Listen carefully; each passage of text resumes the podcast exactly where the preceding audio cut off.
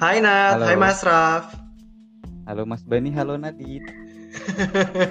Halo Mas Bani, halo Mas Raf. Akhirnya ya kita bikin lagi podcast setelah sekian lama rehat. Ih gila rehat. Berapa lama kita hiatusnya? Terus. Enggak kita kayak kayak girl band Korea gitu comeback. Hibernasi. Hibernasi. Enggak lama-lama juga kok kita kok, iya kan? Cuma dua mingguan ya? Berapa lama sih? Nah, kayaknya sih agak lama sih Nat. Soalnya kayak sehari tanpa kalian tuh hidup gue hampa gitu. Eh, Lo kan kalau balik lagi. I love you too. Ini buat kayak teman-teman yang mungkin lupa nih siapa kita. Ya. Nah, eh, perkenalkan lagi, eh, aku Bani dari talent management di ID Star. Nah, terus ada yang paling cantik. Aku Nadine, talent acquisition dari ID Star. Dan yang paling ganteng? Talent acquisition ID Star juga sama kayak Nadine. Jadi kita di sini hari ini mau ngomongin apa nih? Sesuai judul sih, kita bakal bahas tentang eh, Society 5.0 atau 5.0. Oh tahu-tahu udah 5.0. Emang sama angka empatnya kenapa? gitu? Masih Emang kenapa tuh? Soalnya gue ngerasa kayak 5 eh, eh, 4.0 tuh masih masih ada banget nggak sih sekarang? Masih dirasain gitu. Jadi kayak kalau mau pindah ke 5.0 tuh ah kok udah pindah aja gitu. Kayak gue ngerasa gue belum uh, expert di 4.0 gila. Tapi sebelumnya nih, eh gue masih nggak nyadar kalau gue aja udah ngelewatin 4.0 sekarang mau masuk 5.0 nah eh, sebetulnya 4.0 itu apa sih maksud dari 4.0 itu kalau kata Mas Raf nih dari kalau yang gue baca ya dari beberapa artikel eh, Mm-mm. mengubah yang tadinya offline menjadi online. Contoh nih contoh kasus kayak gini. Misalkan kalau dulu ojek itu kan kita kalau pengen ke mana-mana nyari dulu nih di pangkalan ojek kita jalan kaki terus nanti pas nyampe pangkalan ojeknya kita nanya kalau misalkan ke tempat ini harganya berapa gitu. Misalkan dari Lebak Bulus mau ke Blok M itu kan sebenarnya tinggal belok kanan lurus gitu kan ya Mm-mm. patok empat puluh ribu loh empat puluh ribu cuman kalau waktu itu kan itu hal normal ya oh ya udah dikasih empat puluh ribu gitu Hmm, kayak naik bajai ya mas ya ya bajai mahal heeh. Iya, deh. emang nembak juga ya Baju nembak coy. bajai oh bajai nembak mendingan naik taksi daripada naik bajai ya nggak taksi ada ada ininya ada argonya bajai buset Tapi kan kita kudu di pinggir jalan gitu nggak sih? Terus yang melambai-lambai cantik gitu, baru mereka berhenti gitu kan? mm. offline kan semuanya terus berhasil ya offline tiba-tiba waktu ada Gojek Hmm, Iya Go- sih. Gojek duluan ada Uber Eh, di Indonesia tuh di Gojek duluan nggak sih? Ketimbang Uber ya. gojek gojek duluan Terus kayak Uber, gue inget banget tuh dulu Uber pertama-pertama tuh bayarnya pakai kartu kredit nih kalau nggak salah. Jadi nggak bisa. Oh, iya. Mm, seingat gue loh ya gitu kan. Tapi secara gue bukan anak Jakarta, jadi gue eh, Oh, hanya wow. mendengar saja gitu. Nah, eh, dulu tuh pakai kartu kredit gitu, terus habis gitu baru dipotongnya tuh dari kartu kredit lo gitu. Sedangkan kan kalau kayak sekarang kita bisa transfer duitnya gitu kan, karena nggak banyak orang Indonesia yang mungkin punya kartu kredit gitu. Jadi sekarang kayak dipermudah gitu dengan ada layanan eh, apa sih eh, dompet digital. Iya. Ya sekarang aja kayak Hmm, gue kemarin tuh mulai bayar membiasakan diri tuh mulai bayar-bayar pakai eh, QR risk itu loh. QR. QR code? QR code gitu terus nanti gue scan terus nanti eh, oh misalnya gue belanja apa 15.000 ribu gue scan gitu 15.000 ribu gitu. Jadi nggak Oke, terus berarti itu- juga iya jadi kayak lebih mudah gitu loh gue yang kayak nggak harus eh, misalnya gini kan kadang-kadang kalau misalnya kita belanja ke toko gitu kan ada yang 15.720 perak gitu. Ya kali kan gue nyari-nyari 700 perak terus habis gitu 20 perak. 20 perak. susah kan gitu. Dan kembaliannya juga susah. Kadang gue dikasih permen gitu. Akhirnya permennya gue buang. kadang kadang kalau dikasih permen suka ini Thomas pengen gue balikin kalau gue bayar pakai permen dia mau nggak ya Jahat lu. mereka aja kita permen ya Iya kan jadi jadi kita tuh dipaksa beli permen gitu. Oke, berarti itu udah masuknya ke 4.0 tuh. Kalau yang masalah Gojek itu udah lama banget ya sebetulnya 4.0 ya. Gojek aja udah ulang tahun yang ke 10 kalau nggak salah Iya, di Oh. aplikasinya Iya tuh kan? kalau ditarik Iya. sekarang lagi ada angka 10 gitu. Oh iya. udah 10 tahun Oh, berarti udah lama sebetulnya 4.0. Cuman saya juga baru sadar. Mm. Soalnya 10 tahun yang lalu tuh gue kayak masih uh, SD gitu kan. Jadi uh, gue tuh nggak ngerasain banget sih gitu. Mudah banget, mudah banget ya kamu di Eh, iya, sini ya. gue gue kalau bohong tuh ya emang emang ini banget. jauh sekalian gitu. Tapi ngerasa nggak sih kayak sekarang tuh apa-apa dipermudah dan uh, apa-apa kita hidup di dunia uh, internet gitu loh. Kayak sosial media gitu. Gue gue kangen sama kalian. Gue tinggal buka Instagram, gue tinggal uh, ngeliat foto kalian, video kalian, uh, apa namanya IG live kalian gitu. Dan gue bisa interaksi sama kalian gitu. Jadi kita tuh kayak hidup di internet gitu nggak sih? Iya, bener. menjauhkan Kan iya, gue baru mau bilang tuh Hmm, yang itu mendekatkan yang jauh, menjauhkan yang dekat. Tapi ngerasa ngerasa ya ada yang apa ya kurang nggak sih? yang Kehidupan jelas yang sosial tadinya kan. interaksi langsung tergantikan jadi apa interaksi dengan gadget itu pasti berasa beda Iya, kayak yang biasanya tatapan tatap langsung, face to face, bisa ngeliat gestur segala macam, sekarang kayak cuma lihat dari layar aja gitu. Terus kalau buat kalian yang rekruter nih gitu kan kan harus eh, apa namanya kita kan kalau nggak interview orang suka ngelihat oh nih gesturnya gimana eh, gerak tangannya terus eh, ya gitulah gitu. Yang mukanya nanti berubah nggak gitu. Kalau ditanya sesuatu mukanya berubah nggak gitu. Atau katanya ngelirik ke kanan itu beneran. Kalau ngelirik ke kiri itu nanti bohong gitu kan katanya gitu. Hmm, itu gimana nih menurut kalian dengan pandemi? Terus kita cuma apa bisa pakai eh, apa namanya video call gitu? Kalau lu Masa gimana? gimana? ya, kalau gue jujur kalau misal misalkan kayak gue on cam juga fokusnya tuh juga susah. Kayak capek gitu loh yang dilihat tuh banyak gue kan di dalam satu laptop gue harus buka Google Docs yang isinya catatan interview gue, tulisan gue. Terus gue juga harus ngeliat ke CV juga. Terus harus ngeliat mukanya dia juga. Kayak banyak banget tab-tab yang dibuka dan itu capek, nggak enak. Dan kalau gue sih lebih ke suara ya, kan kelihatan kadang tuh kalau orang grogi atau gimana gimana itu gue sih lebih kayak gitu melihatnya terus kalau misalkan dicecer atau ditanyanya lebih deep atau lebih detail ini orang bisa ngejelasin lancar atau enggak. Paling gue hanya mengandalkan itu sih sekarang kalau misalkan online. Soalnya susah juga.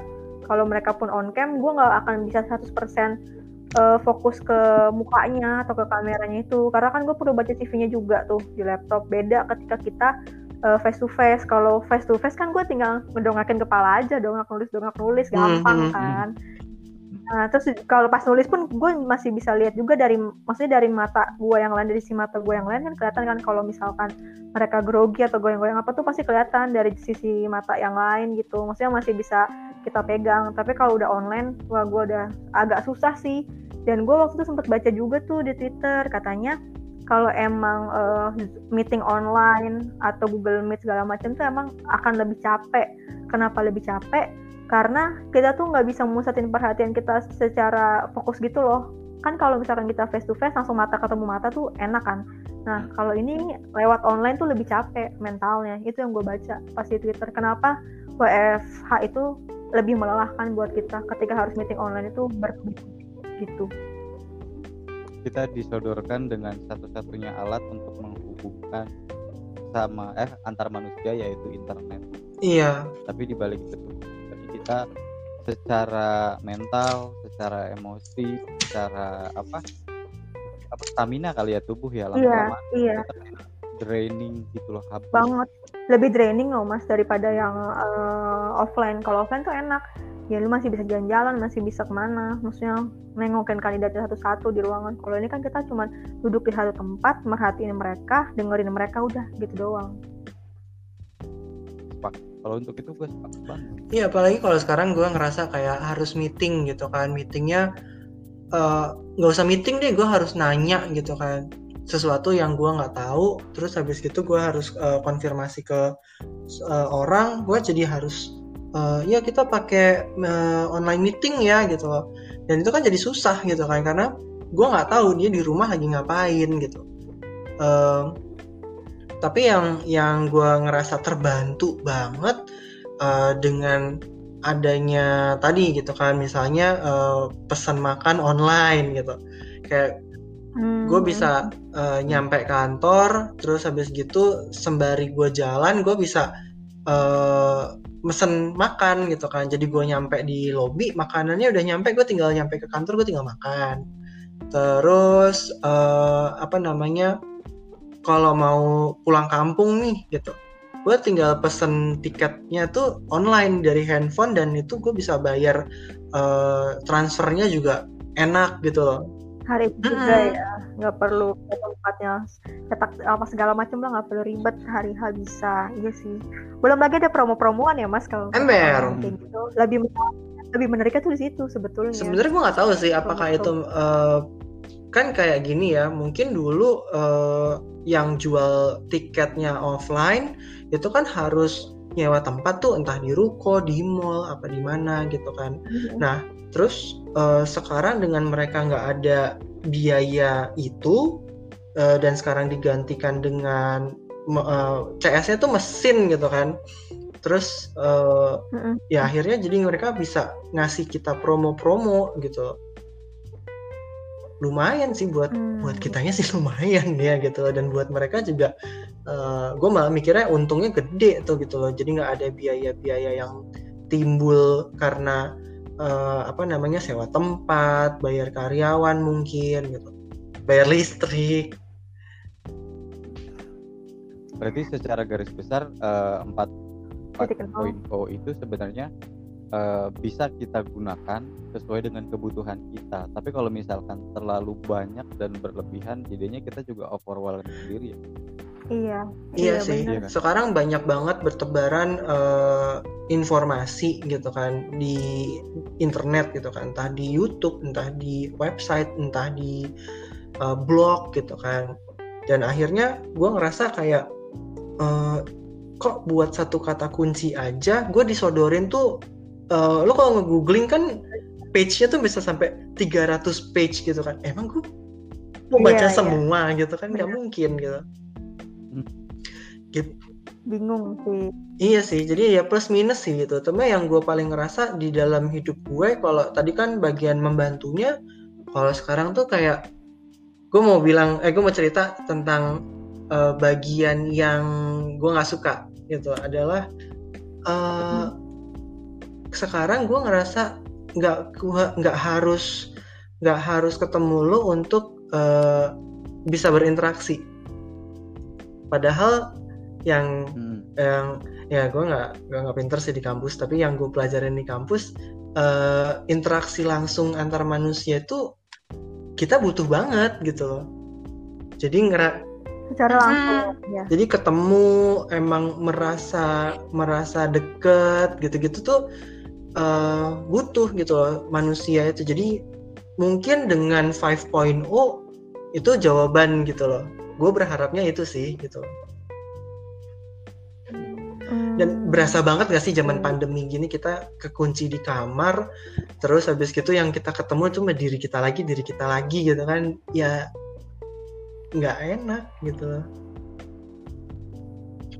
terus tiba-tiba muncul di internet banyak artikel tentang self love mengenal diri sendiri. Tiba-tiba. Padahal kita sendiri aja. Ya Allah gue udah muak terus semua orang tiba-tiba jadi chef. Semua orang tiba-tiba jadi ini tau gak sih apa uh, apa namanya tuh uh, suka olahraga gitu kan. Padahal nggak tahu gitu. Iya. Olahraga uh -uh. terus tiba-tiba semua orang bisa DIY Oke, jadi dari, Dari tadi kita ngebahas tentang 5 5 5.0 terus tuh eh, kita sempat baca juga kan ya kalau kalau, kalau penggagasnya itu kan eh, perdana menteri atau nggak salah Pak Iya, Pak Shinzo PM Abe PM-nya Jepang. Mm-mm. PM-nya Jepang ya. Nah, jadi memang sebenarnya kan eh, kita akan bantu untuk menjelaskan tentang five point itu asalnya adalah dari Jepang itu kan ya sesuai dengan yang udah kita baca. Kalau yang baca apa tuh mas? Saya kok tiba-tiba nomornya udah lima aja gitu. Satunya tuh apa? Oke. Jadi oh oke. Satunya itu aduh ini pertanyaan? Ayo, ayo, ayo, ayo. Satunya adalah kita nomaden mas, eh berburu ya. berburu dan Mangsa. Nah. Mangsa lu apa? Mangsa lu sama mangsa gue beda. Gua gua 2020 Nggak tetap cari mangsa tuh kayak satu Oh, dibantu internet. apa? dipelopori oleh ditemukannya mesin uap tahu yang satu titik nol itu industri kan ya Oh, iya, iya, iya. Heeh.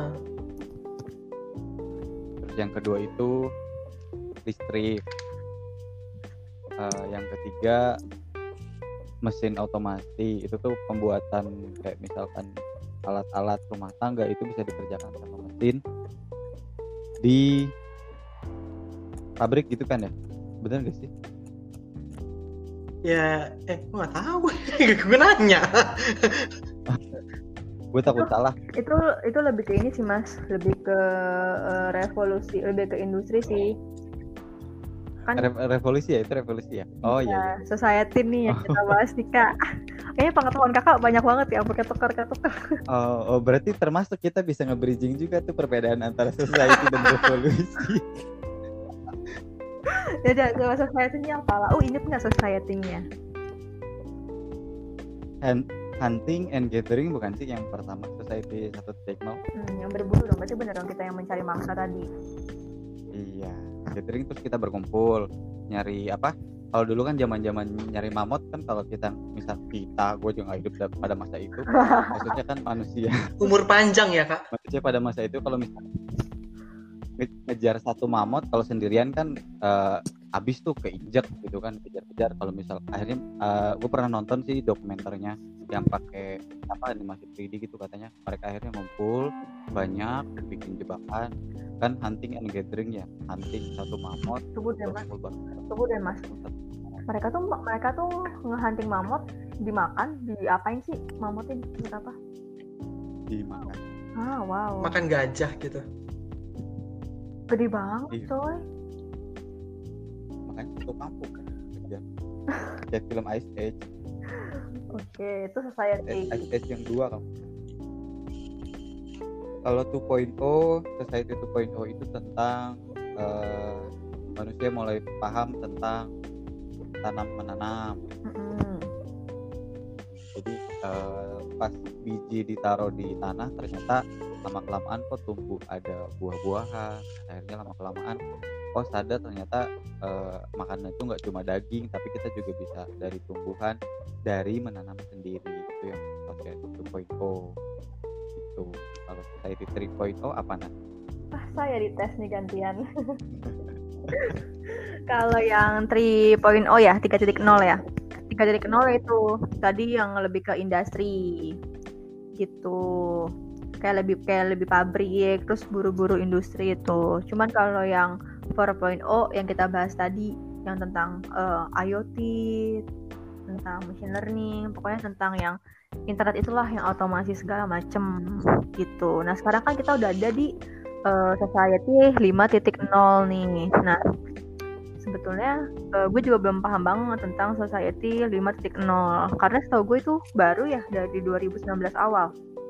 Kayaknya tuh kemarin yang pas gua nonton si TED Talk-nya itu tuh dia bilang Januari 2019. Berarti kan baru satu setengah tahun ya? Mm-mm, baru banget. satu tahun 10 bulan Eh, satu tahun 10 bulan ya? 9 bulan ya? Kayak bayi. November. Nah, terus habis gitu eh gue tuh paling nggak nggak nggak nggak tahu gitu loh kalau tentang dunia apa namanya eh kayak dunia dunia internet yang uh, lebih advance gitu kita hidup di dunia internet yang lebih maju gitu kan. Karena ya gue menggunakannya hanya ya hanya Instagram TikTok ya ketahuan. Terus uh, internet e- email gitu jadi nggak apa ya gue masih ngerasa bahwa zaman orang tua kita dulu kerja sama kita kerja sekarang ya masih sama aja gitu loh.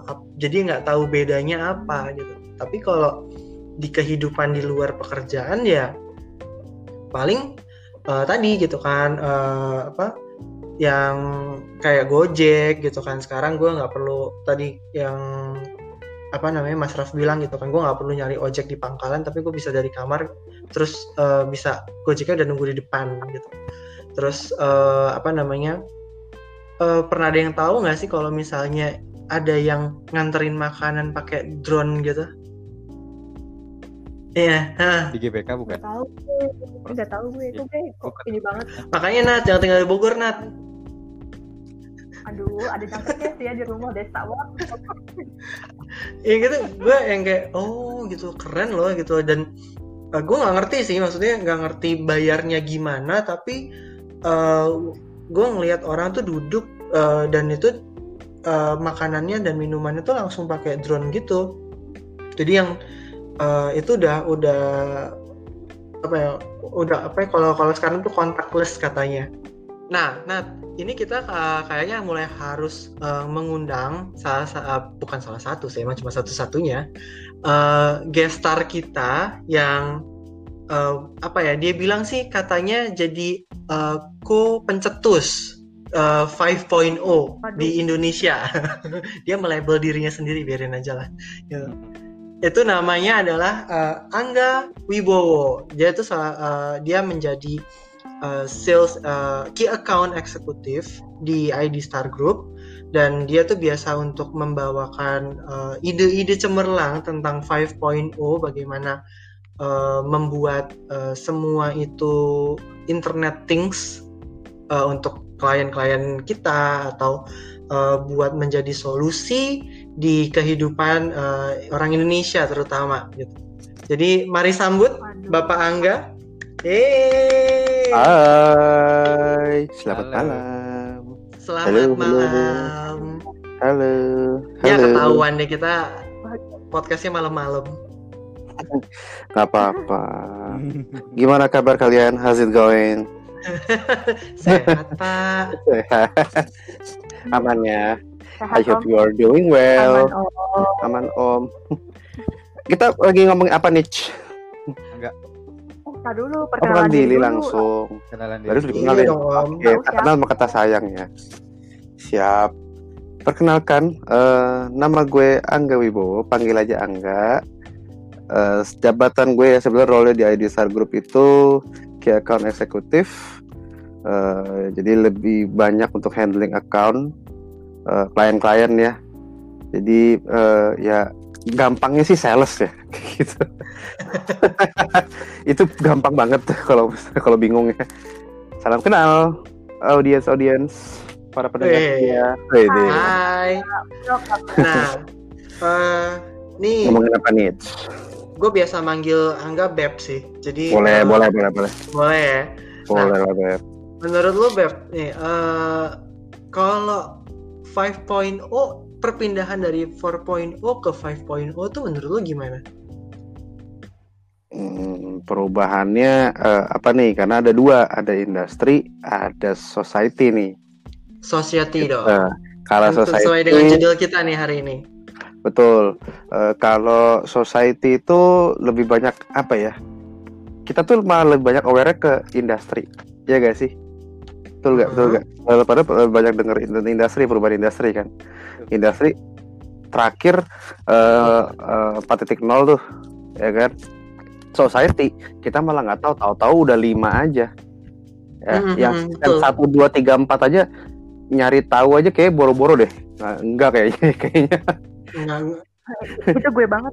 Itu gue banget. Ya, Karena kayak tuh, apa ya lu lu ngerasain eh, lu apa kehidupan lu sehari-hari ya udah lu lu learning by doing aja. Lu diajarin sama keluarga lu lu diajarin sama rekan kerja lu atau lingkungan lu ya lu ya perubahan-perubahan itu lu rasain gitu loh. Dari awalnya hunting terus eh, agricultural industri information baru masuklah ke society 5.0 gitu. Ya ini gue mungkin akan jelasin sekilas kali ya perbedaannya sama ya, sama industri nih ya kan uh, tuh, tuh, tuh. Oke, so Edit. industri industri sama society itu beda, ya kan? Kalau industri masih mentok nih di 4.0. Industri 4.0 itu eh, lebih banyak eh, tentang eh, teknologi lah ya, automation, robotik gitu loh. Jadi untuk eh, lebih ke arah ke dunia manufacturing lah, dunia industri ya. Impact-nya lebih banyak ke sana untuk saving cost lah, untuk naikin produktivitas lah. Lebih ke arah sana kalau industri. Nah, ternyata ada dark side-nya nih ceritanya. Lu udah kayak. Voldemort aja di dark side-nya. daripada apa tuh Shades of ya itulah ya film yang lo suka Beb Nggak usah diomongin di sini. oke di belakang aja ya ya, ya gitulah ya. Jadi kayak apa namanya eh, ada dark side-nya. Ba- gara-gara perusahaan-perusahaan mengimplementasi eh, teknologi-teknologi automation banyak eh, orang-orang tuh eh, kegerus nih. Diganti sama robot. Tuh. Tuh serem men. Tuh serem banget. Kerjaannya repetitif diganti sama robot.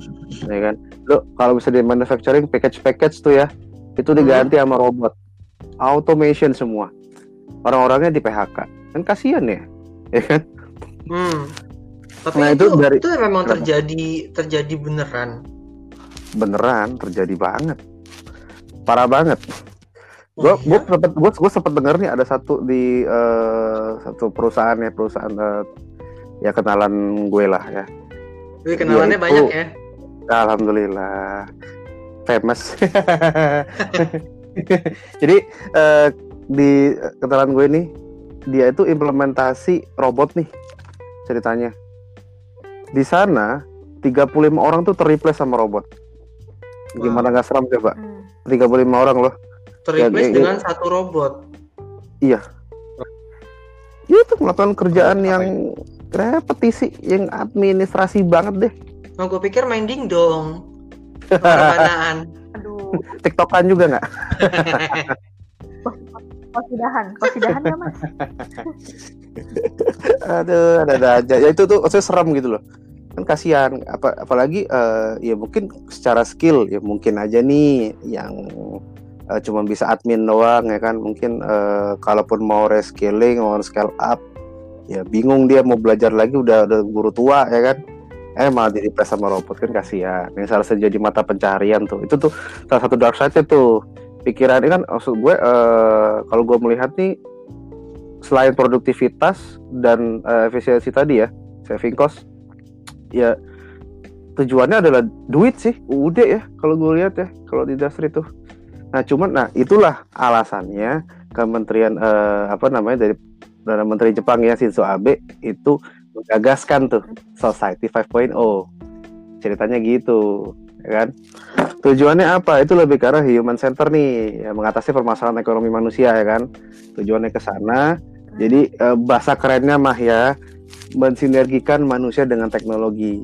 Lo manfaatin tuh teknologi untuk meningkatkan produktivitas lo dan efisiensi kerja lo nih. Gitu. Itu histori kayak gitu notit notit Noted, Pak. Notit. Lo kata ini meeting. ya Nah, terus kalau misalnya kayak gitu, emang yang di- ditawarkan sama si 5.0 ini apa, Beb? kalau yang ditawarin ya tadi kan untuk kesejahteraan manusia nih gimana caranya lu lu memanfaatkan teknologi buat eh, meningkatkan ya kesejahteraan lu perekonomian lah untuk apa menyelesaikan masalah sosial lu lah ya kan ya kayak eh, si- yang sesuatu hal simple yang kita rasakan sehari-hari misal nih eh lu di ID Star tuh keren nih ya. Jadi di proses rekrutmen itu kan ada screening CV tuh. Hmm. Eh, convert CV juga kan. Yang awal dari CV yang yang yang free design, yang yang eh, berbagai macam template kan, itu bisa di-convert sama eh, RPA (Robotic Process Automation). Jadi eh, company kita tuh memanfaatkan teknologi tuh. Nah, untuk meningkatkan efisiensi kerja dan produktivitas kerja. Itu salah satu contohnya ya, kalau dari segi industri nih ceritanya. Hmm. Oke, kehidupan sehari-hari ya, ya seperti lu lu order pakai eh, ojol nih, ya kan ojek online ya. Lu order tinggal order, ya kan. Lu mau makan apa, terus kayak eh, apa namanya? eh, mungkin udah pernah di mention atau belum ya di GBK tuh ada order sesuatu pakai drone dikirimnya. Iya iya Paket iya. pakai drone, ya kan. Itu terconnected banget lah. Itu tuh sehari-hari ya kayak gitu kehidupan sehari-hari gimana cara lu memanfaatkan teknologi kayak sekarang eh, sekarang kan kayak contoh lu mau buka eh, kartu kredit atau apa kartu debit ya Hmm. itu bisa online semua lu Iya. tinggal apa verifikasi tuh verifikasi apa robot muka lu tinggal ditunjukin langsung terverified ya udah Iya, cuma Dan- tinggal nunjukin KTP doang kan. Jadi lu kayak seakan-akan kayak selfie gitu kan sih. iya dan apa kartunya dikirim ke rumah simpel banget ya Pengalaman, iya pengalaman ya mas. Hmm. kan gue kemarin yang bikin training ya. Oh, iya. oh gitu ya. makasih lo makasih bukan lo gue bukan gue yang nge-training kagak. Nggak ngerti juga gue. Gak apa-apa, yang penting memediasi. Lanjut, gue apalagi eh, nih? Masih pada penasaran kan? Apa-apa? Apa? Silakan, silakan. kalau kemarin tuh ngerasa gini eh apa namanya gue ngerasa ada ancaman kalau misalnya eh, gue akan digantikan dengan robot Mm-mm. ya Iya nggak sih kayak HRD gitu kan kerjaannya repetitif eh, dengan kalau di gue eh, di talent management itu eh, data karyawan data cuti data sakit apalah segala macam. Terus dengan eh, misalnya di timnya Nadinka sama Mas Raf gitu kan ada eh, robot yang dulu gue dikasih lihat sama Bu Arifa tuh robotnya bentuknya kayak kepala cewek gitu terus dia bisa ngomong sama kita gitu loh. Dan itu bener-bener dia ngerti uh, apa yang kita omongin dan dia bisa uh, ngejawab bereaksi sesuai dengan uh, muka kita berubah nggak? Terus habis itu jawaban-jawaban kita kata kuncinya tuh uh, sesuai nggak dengan pertanyaan dia gitu.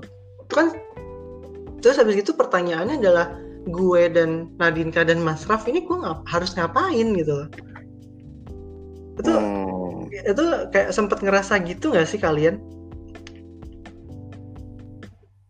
Iya, gue kepikiran sih kalau misalkan industrinya makin maju kan, society 5.0.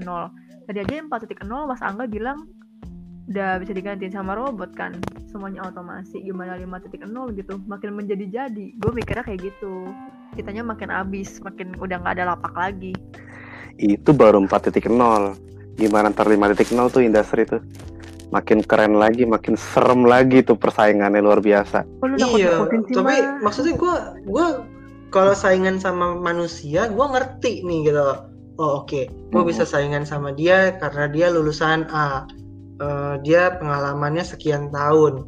Nah tapi kalau Dama robot kan dia sekali ngedownload dia bisa eh, apa ya semua pengetahuan yang ada di internet tuh dia bisa gitu dimasukin ke dalam tanda kutip otaknya dia gitu kan.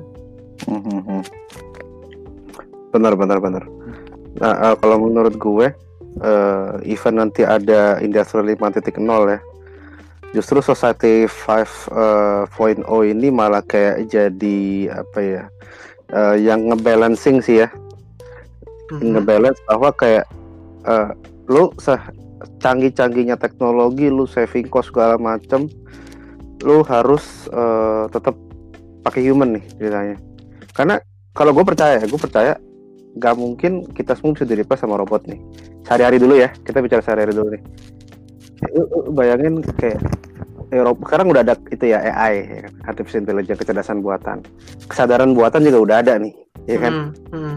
tapi robot tuh nggak nggak punya hati nurani coy ya kan? itu kalau dari segi masyarakat jika misalnya ada eh, Nadine order eh, robot pacar virtual contoh ya. Aduh. Oh. Nanti Oh, harus contoh. harus nyanyi Sinanggar Tulo nggak? Kenapa sih? Kenapa, kenapa sih mas setiap lapak gua begini? Iya, kayak apa ya? eh, lu order, lu, lu say I love you, eh, you eh, I hate you, ya udah terima-terima doang. Gitu loh. Tapi ketika lu lagi ngambek, lu pergi, udah aku mau pergi tinggalin kamu ah. Gitu. Dia dia nggak ngejar lu, ya Ih. mungkin ngejar tapi kayak eh, Nadine, Nadine, jangan tinggalin aku apaan sih? Pakai suara Google Google Translate gitu ya. Suara Google Translate cakep-cakep tahu voice overnya. ya gitulah ya maksudnya kalau di industri nih kalau dunia eh, industri eh, salah satu upaya kita tuh eh, dari diri sendiri dulu ya kita harus reskilling scale up eh, ker- apa namanya eh, kemampuan ilmu pengetahuan lah knowledge tuh harus di upgrade supaya nggak nggak eh, kalah nih gitu loh dengan eh, robot ya kan dengan eh, manusia-manusia lainnya ya kan. Kalau manusia pasti ya. Sekarang Hmm. pertandingannya sekarang sama robot nih nambah lagi ya kan. Aduh kemarin gue udah saingan sama orang sekarang saingan sama robot ya kan. Nyusahin gitu loh. Tapi ya Society 5.0 itu malah kayak bikin eh ya tadi human center ekonomi perusahaan akan mikir gini oke kerjaan lu akan makin mudah nih lu akan fokus ke lebih ke arah ke strategik dan eh, lebih ke analitik gitu loh gimana sih kayak lu mencapai strategi eh, perusahaan lu misal gitu kan Nah robot itu malah cuman hanya kayak uh, sebagai asis doang ngebantu lo semua nyelesain kerjaan lo sih. Menurut gue nggak mungkin nggak mungkin di replace nggak mungkin menurut gue. Nggak punya hati nurani, tenang. Tapi kan itu eh, yang kita omongin tadi kan ada ada di dunia bisnis, ada di Hmm. dunia eh, percintaannya Nadine gitu kan. nah, Aduh, kalau kalau secara se gue malah kepikiran gini nih kalau secara apa namanya eh, dalam masyarakat secara luas gitu ya itu malah bakal eh, bisa mengurangin sampah gitu loh yang kayak karena kan orang beli barang akhirnya sesuai dengan kebutuhannya eh, makan sesuai dengan eh, kebutuhannya gitu. Jadi eh, kurang kurang mengurangi eh, apa sih namanya itu eh, food waste terus habis gitu penggunaan eh, apa namanya kayak bahan bakar fosil gitu kan. Nah Bahan terus kayak eh, iya benar karena kita pakai AI terus eh, dia sudah bisa memperkirakan nih gue dari titik A ke titik B gitu kan. Nah itu ber- eh, butuh berapa banyak listrik? Eh, mungkin mobilnya listrik ya gue nggak tahu juga.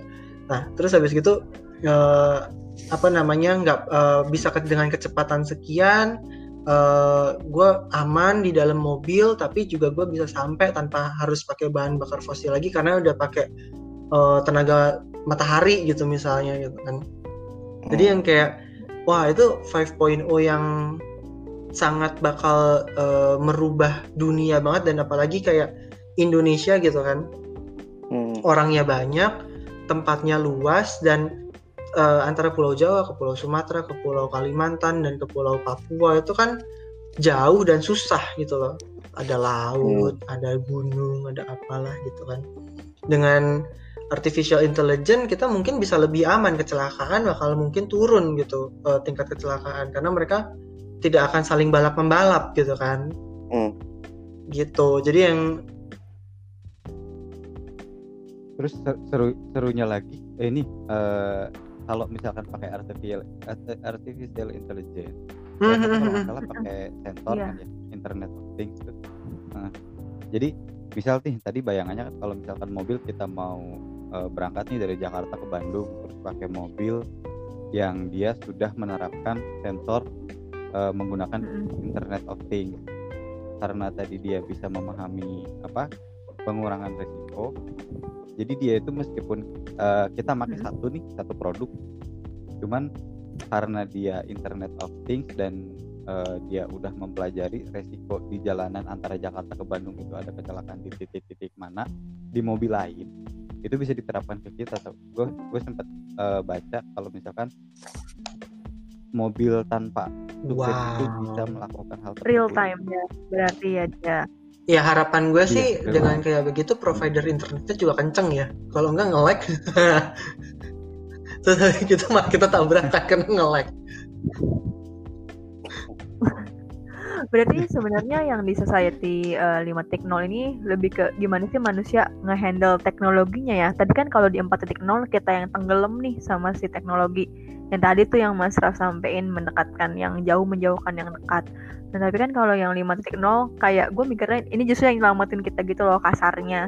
Karena kan eh, dari situ kita yang lebih pegang kendali sama si teknologi. Malah eh, bisa dibilang kita ngebabuin si teknologi. Yang tadi lah yang robot katanya jadi asisten kita. Jadi kita lakuin pekerjaan maksudnya yang sifatnya Hmm. lebih strategis. Dan kalau kalau eh, kalau kita megang sesuatu yang lebih strategis kan artinya skill kita juga nambah kan. Beda ketika kita yang admin banget nih. Kalau kitanya yang kelamaan admin banget ya skillnya kita juga akan turun. Tapi ketika ada robot yang bisa ngehandle itu ya udah maka kita naik lagi levelnya. Gitu sih kalau Hmm. menurut gue Tapi Betul. kayak kayak menurut lo Beb gitu, si Indonesia nih udah udah siap belum sih eh, untuk menghadapi untuk ikut bukan menghadapi ya kali, untuk ikut di dalam masyarakat 5.0 ini. Hmm, menurut gue eh karena ada pandemik kali ya. Jadi kayak terpaksa ikut, terpaksa menerapkan sih. Ya gak sih? Kayak lu sekarang eh, dulu social distancing kan ya, karena covid. Awal-awal terpaksa work from home, ya kan? Hmm. Kerjaan nggak beres sih, koordinasi susah. Hmm. Akhirnya manfaatin eh, platform eh, online conference buat pakai untuk koordinasi atau pakai apa tuh namanya buat manage eh, task list lu nih, task list kerjaan kayak Trello sejenisnya itu kan. Hmm, hmm, Jadi lebih iya. lebih mudah. Nah, itu salah contohnya. Kalau di dunia masyarakat, kalau di masyarakat nih di edukasi nih, eh, mungkin ada kayak adik-adik kita atau eh, ponakan-ponakan kita atau siapa lah ya. Ponakan kita tua banget gue. Oke. Emang. Oke. Eh, ya kayak apa ya kayak eh, Terungkap. terpaksa harus ya sekolah online mau pakai online platform conference kek atau pakai online chat kek atau pakai Google Classroom ya akhirnya mereka terpaksa ikut habis gimana lu kalau sekolah lu kena covid lu masuk Iya, kerja iya. lu potensi kena covid ya kan Yang kayak Di- gini deh mungkin kalau di gue ya gitu loh, kayak Hmm. eh, dulu gue kepingin les eh, apa namanya les skill-skill gitu kan, Hmm. Cie. Nah terus habis gitu eh, gue sempet nge-googling gitu kan, oh gue kalau mau les, eh, let's say gue mau les, les bahasa Inggris gitu kan, gue Hmm. nge-googling gitu kan, ada di mana sih Hmm. tempat lesnya? Oh di di Pancoran satu, di ini satu, di sini satu, gitu kan. Hmm. Nah, sekarang dengan terpaksanya ini dengan pandemi, akhirnya eh, semua itu gue bisa lakukan, lakukan, lakukan, lakukan di eh, rumah gitu dari handphone gitu. Gue eh, apa namanya si gurunya tuh ngajarin ini, oh gue bisa ngomong, ikut ngomong di situ gitu kan. Hmm. Dan apa ya itu sangat-sangat membantu banget sih gitu kan. Tapi kan itu ngera gue ngerasa bahwa si gue masuk ke dalam internet gitu loh gue seakan-akan dalam tanda kutip gue men- mengupload diri gue ke handphone gue gitu kan jadi hidup gue tuh Oh. cuma ada di, di layar handphone dan layar laptop gitu sedangkan eh, kebutuhan apalagi orang Indonesia ya seneng kongko-kongko eh, ya kayak dulu gue di Jogja tuh kita kenal banget eh, apa ya nilai untuk eh, ngangkring. Jadi pergi ke iya pergi ke angkringan nongkrong nongkrong makan di situ ngobrol sama eh, teman yang udah kenal ataupun bahkan sesama orang yang eh, ngangkring di situ itu tuh kita bisa ngobrol apa aja gitu dan Hmm. itu jadi tidak bisa terjadi gitu loh ketika ada eh, mungkin nggak nggak apa ya nggak ada pandemi pun eh, dengan dunia yang sudah ditelan internet akhirnya orang lebih milih ah ngapain sih gue mendingan pesen makan aja ke kamar sambil gue nonton Netflix gitu iya Hmm. kan Betul. nah, tapi Jadi ya, kayak- itu jadi ancaman gitu nggak sih Hmm. Ancaman dan artian apa nih? Gimana nih maksudnya? ancaman yang eh, ancaman buat keindonesiaan kita Hmm, makan gak makan kumpul ya kan. itu jadi eh, kayak apa ya eh, kita berubah eh, perilaku kita dan eh, roots kita tuh jadi jadi hilang gitu loh orang Indonesia yang guyup banget yang eh, bahkan bahkan tuh yang kayak orang tuh bilang gini eh, urusan dapur rumah tetangga sebelah itu ya urusan kita gitu itu dengan internet tuh kayak makin hilang gitu loh rasa, rasa kekeluargaan kita. Hmm. ya itu ya plus minus ya. Yang itu bahkan kita udah udah alamin dari dulu ya nggak sih? Sebelum Mm-mm. sosial media gue juga itu udah ngalamin kayak awal-awal internet muncul ya kan? Kita jadi sering kayak sering ke warnet ya kalau lu anak warnet ya. Lu main game apa ya kan? No life di sana. Terus eh, kerjanya sosmedan doang ya kan? Di kamar bahan ya kan? Itu kayak ngalir ke generasi-generasi sekarang gak sih? Kayak ya ya udah lu. Kamar bahan apalagi pandemik lebih parah lagi ya kan? Mm-mm. akhirnya budaya kongkonya ya udah seadanya. Kerjaannya cuman ya apalagi eh, ditambah konten-konten self love ya. Wah lebih lebih itu tuh lebih dia lebih eksplor dirinya sendiri. Akhirnya kayak berani tampil di TikTok atau sejenisnya tuh. Iya sih? Jadi kayak eh, budaya kumpul-kumpulnya jadi mulai berkurang. karena sudah terbiasa. Kita pandemik udah dari bulan Maret kan Iya, dan itu Maret. udah beberapa bulan Maret. akhirnya kita jadi makin kita eh, belajar untuk apa namanya? eh, belajar untuk ya biasa aja gitu, tidak ketemu orang. jadi kayak ya, no problem gini, gini. ya kan ya gitu deh kejadian sekarang ya cuman semoga lah ya Society 5.0 ini menjadi kayak eh, suatu solusi lah ya buat kita semua nih. Secara eh, teknologi tetap maju produktivitas kita tetap eh, apa namanya tetap baik gitu loh. Dan hubungan sosial kita tetap berjalan sesuai dengan semestinya. Semestinya loh ya. Tapi kalau kita nih mas pengen tahu lebih dalam tentang si society eh, 5.0 kan biasanya tadi tuh balik lagi ke bahasan yang kata Mas Bani. Kayak misalkan kalau kita nyari A yang itu tuh yang muncul tuh banyak banget gitu. Bahkan Mhm. bisa ribuan page di Google. Dan gitu kita juga nggak tahu ini bener atau enggak. Kayak tadi kayak tadi kayak kemarin pun gue sama Mas Raf aja kebalik tuh yang si revolusi society ataupun si industri itu. Nah eh, sebetulnya kan dari kita sebagai Hmm. makhluk sosial ya kita perlu paham juga gitu kita ada di era yang mana sih gitu gue aja tadi nggak sadar kalau kita 4.0 udah kelewat mau masuk ke 5.0 gitu. Eh, sebetulnya kan kita eh, harus ningkatin awareness juga nih dan bukan cuma ningkatin awareness aja tapi kita juga harus paham gitu. Tapi ketika kita mau memahami pas kita nyari di Google tuh atau googling tuh kayak susah gitu Hmm, karena kita nggak tahu yang valid tuh yang mana. Nah dan lu nih sebagai pelopor pelopor Kok pencetus? pencetus ya. Nah itu lu ada saran nggak? Kayak misalkan eh, lu baca-baca ini nih Nat atau dengerin ini nih Nat. Biasanya itu eh, suka ngomongin tentang sesuatu yang lagi in atau Oh, yang upcoming. Kalau tips dari gue sih, eh, tapi bagus eh Lonat dan teman-teman lainnya eh, udah ada niat ya, kayak aku tuh pengen upgrade knowledge gue nih, ya kan? Ya apa namanya? Yang pasti, lu di Google tuh kan banyak tuh, ya kan? Berbagai macam lautan informasi, dan Hmm. kita ngefilternya pun susah juga nih. ya Mm. kan?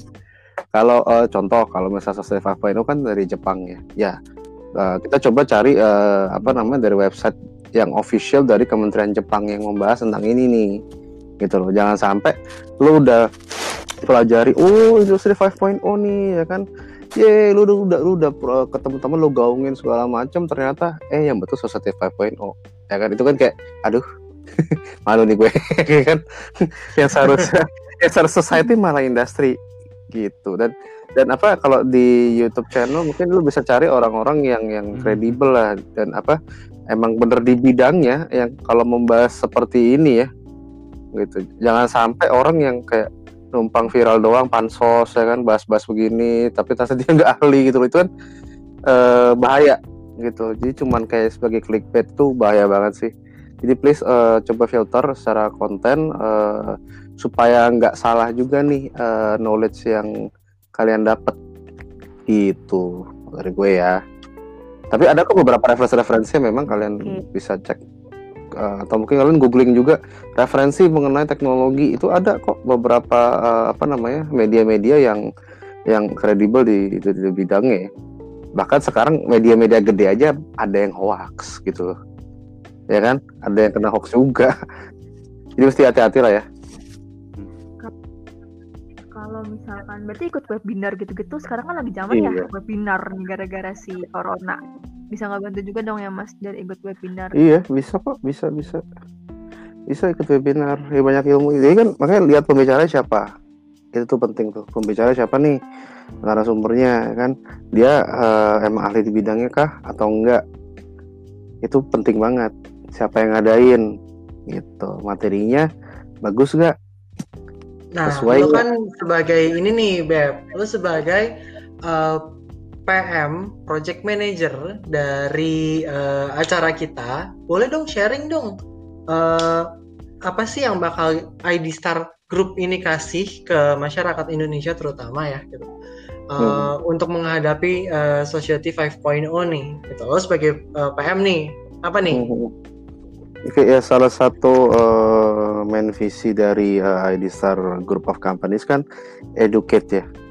Hmm. educate uh, dan transform itu yang gue highlight sih ya gitu loh dan constant improvement Hmm. jadi kayak lo uh, ID Group tuh berupaya terus mengedukasi terus masyarakat uh, kalau gue melihat kita sudah berupaya melalui sosial media kita dari uh, apa namanya webinar kita untuk mengedukasi masyarakat uh, entah dari industri atau masyarakat yang uh, sipil ya itu buat uh, tahu mengenai teknologi nih jadi eh, Ibu Arifah CEO kita tuh pernah bilang eh, gue ini sangat khawatir apalagi di pandemi seperti ini. Gue gue pengen eh, bangsa Indonesia ini eh, maju gitu loh. Reskilling, upgrade skill, upgrade knowledge eh, supaya nggak tergerus sama zaman gitu loh. Hmm. Ya. Oke. Gitu. Ja- Jadi eh, kita berupaya terus ngadain webinar, event lah, eh, sosial media kita live terus posting semua hal yang bisa upgrade eh, knowledge kita. Itu sih salah satu itu ya upayanya ya. Kayak gitu. Nah, berarti kan eh, apa nih dengan dengan cita-cita yang seperti itu, lo boleh sharing dong tentang eh, moving towards society 5.0 itu energizing human and technology.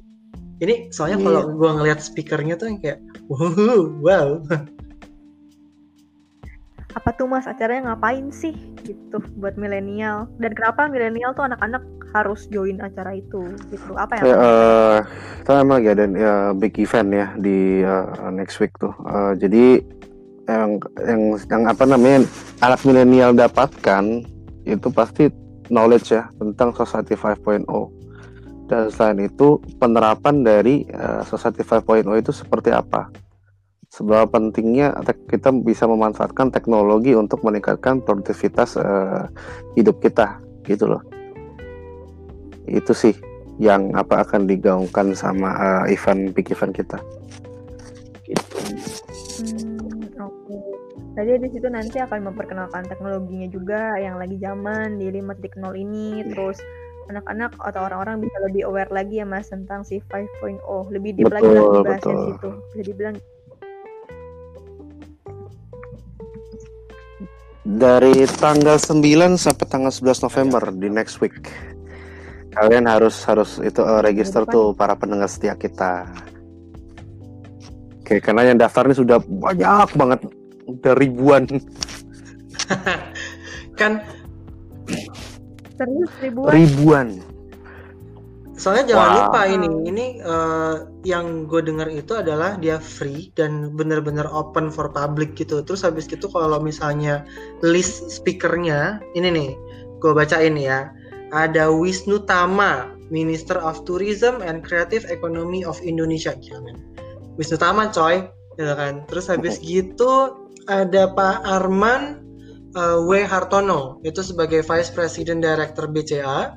Terus yang ketiga adalah Pak Erwin Minurus Zaman itu sebagai senior VP head of HR-nya operation H 8 eh, eh, sorry head of HR operation Indosat. Terus habis gitu ada Pak Gideon Ton Saritua S itu ex Executive Director Digital Transport Transformation Transjakarta. Terus ada Ibu Swanda Yani itu uh, sebagai Human Capital Director Adira Finance, uh, Pak Judiarto sebagai Marketing Director Binus.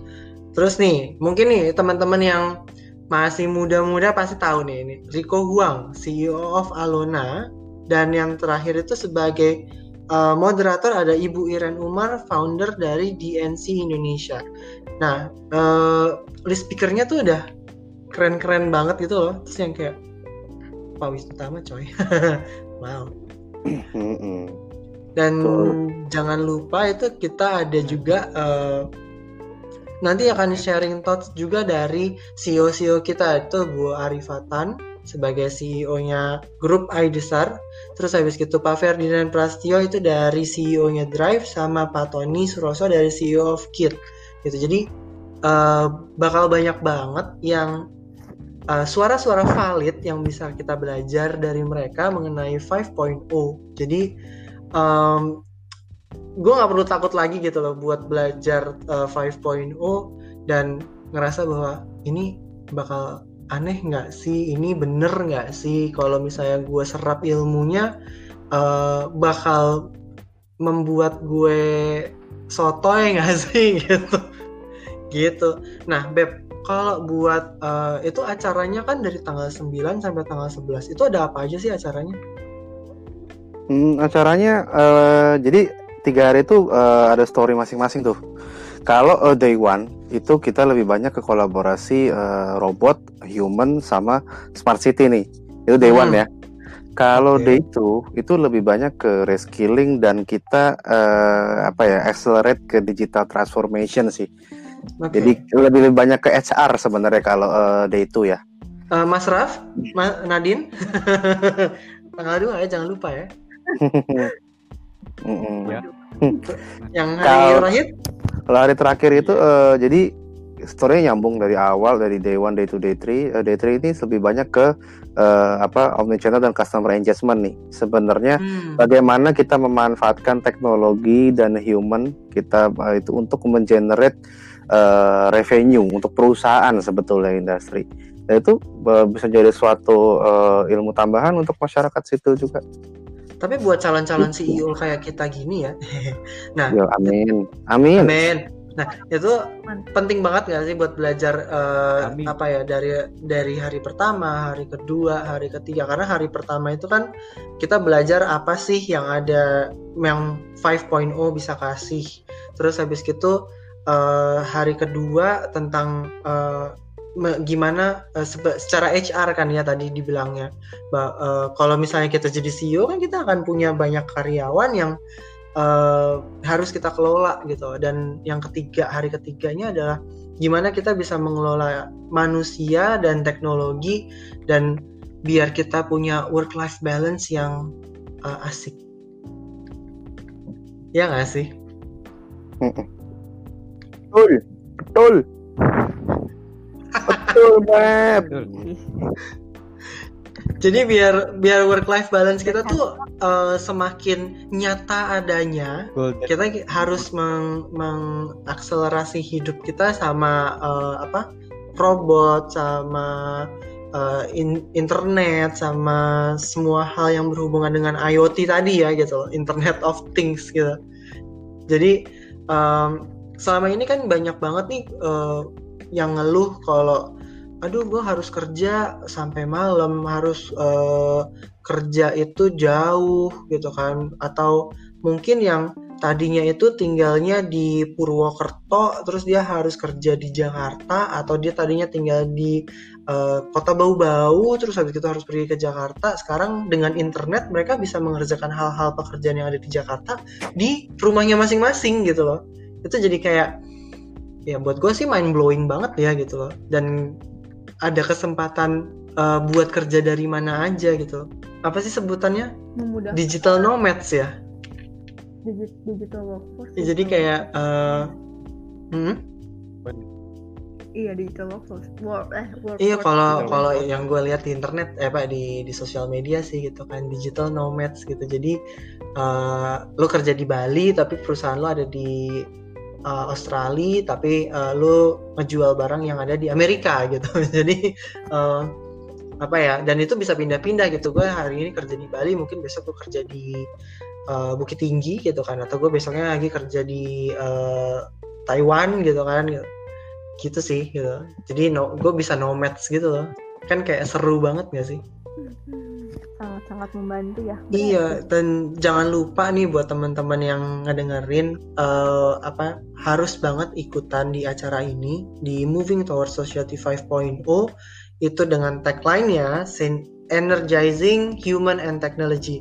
Jadi dan ini gratis sih gitu. Jadi kalau misalnya pengen tahu tentang 5.0 itu apa dan eh, pengen tahu apa sih yang bisa kita kerjain eh, di 5.0 society ini sebagai bagian dari masyarakat eh, society 5.0 nih.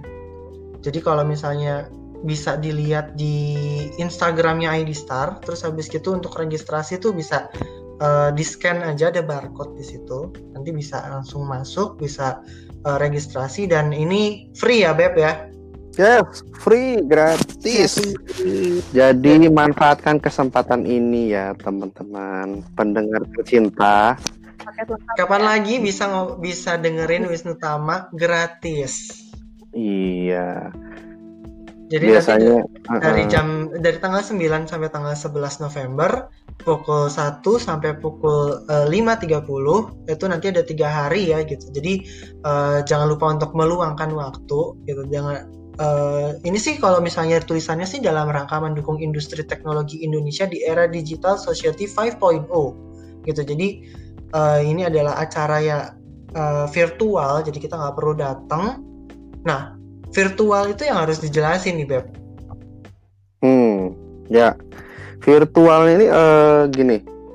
Mungkin kalian pernah dengar itu nggak sih kayak virtual 360 derajat gitu, virtual 360. Pernah dengar gak? Eh, enggak. Atau belum Oh, belum kebayang ya? Gue pernah sih Nah, pas museum macam tau gue ada deh waktu itu dia online gitu. Iya, iya, iya. Jadi, eh selain web webinar kita ini kita kolaborasi juga dengan eh, platform 360 degree virtual event ya. Jadi kalian tuh seakan-akan ada di sana nih di laptop kalian ketika kalian akses website tersebut, kalian seakan-akan secara reality kalian ada di sana virtual. Oh, kalian jalan-jalan, ngeliatin eh, apa namanya ambience dari eh, apa namanya event ini seperti apa. Seakan-akan live sih. Jika kalian bisa jalan-jalan, kita kalian bisa mampir ke booth A, booth B, booth C, terus ngelihat eh, main stage-nya seperti apa. Ntar ada orang jalan-jalan di sana juga. Keren banget deh. Jadi Pokoknya kayak gue bisa ketemu sama lo gitu nanti di sana. em, ada deh.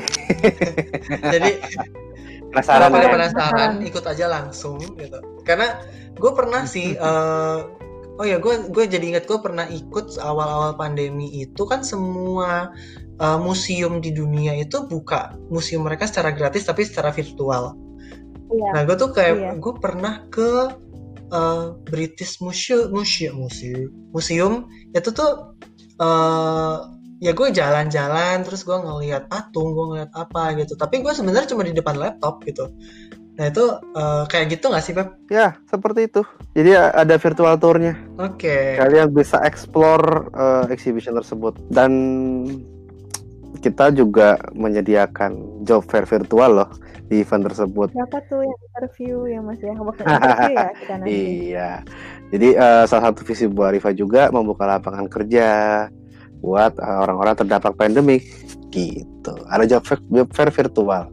nah silakan buat datang. yang tahu yang pengen tahu list apa aja sih nih di job fairnya tersebut udah langsung aja registrasi nggak usah banyak eh, babi bu babi bu udah udah langsung registrasi gratis kok gitu Mm-mm. Tinggal gratis daftar masuk, dapat linknya tinggal tinggal masuk. bisa jalan-jalan di sana. Jadi duduk, jadi duduk diam terus dapat banyak materi ya mas. Iya. Berarti dalam satu. Ya, klik sana, klik sini, jalan-jalan gitu kan. biar kita work life balance-nya juga ada dan ini ini sebenarnya udah udah udah mau malam minggu nggak sih nggak sih masih besok jadi kayaknya gue harus Eh, pulang Satu jam, Eh, satu jam lagi satu jam lagi malam minggu. satu jam lagi malam Bali ya Iya. jadi thank you banget Beb udah join di podcast kita kali ini Eh, Yes. udah kita udah ngebahas tentang eh, 5.0 kayak apa dan eh, acaranya ID Star yang bakal keren banget nih moving towards society 5.0 se- eh, synergizing human and technology jadi em, semua ditunggu ya buat ikutan acara ini dan nanti kita bakal ketemu lagi di sana gitu. Di booth-boothnya yang ada di sana Eh, bisa langsung kontak kita tahu tentang ID Star tanya-tanya tentang ID Star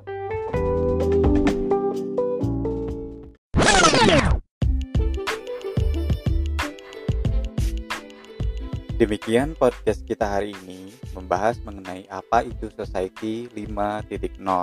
Mohon maaf terjadi kesalahan teknis karena sempat terputus di akhir tadi. Supaya lebih jelas mengenai apa event ini, bisa langsung buka profil Instagram idstar.id. Yuk daftar, klik link di profil Instagram kami ya. Sampai jumpa di episode selanjutnya. Dadah.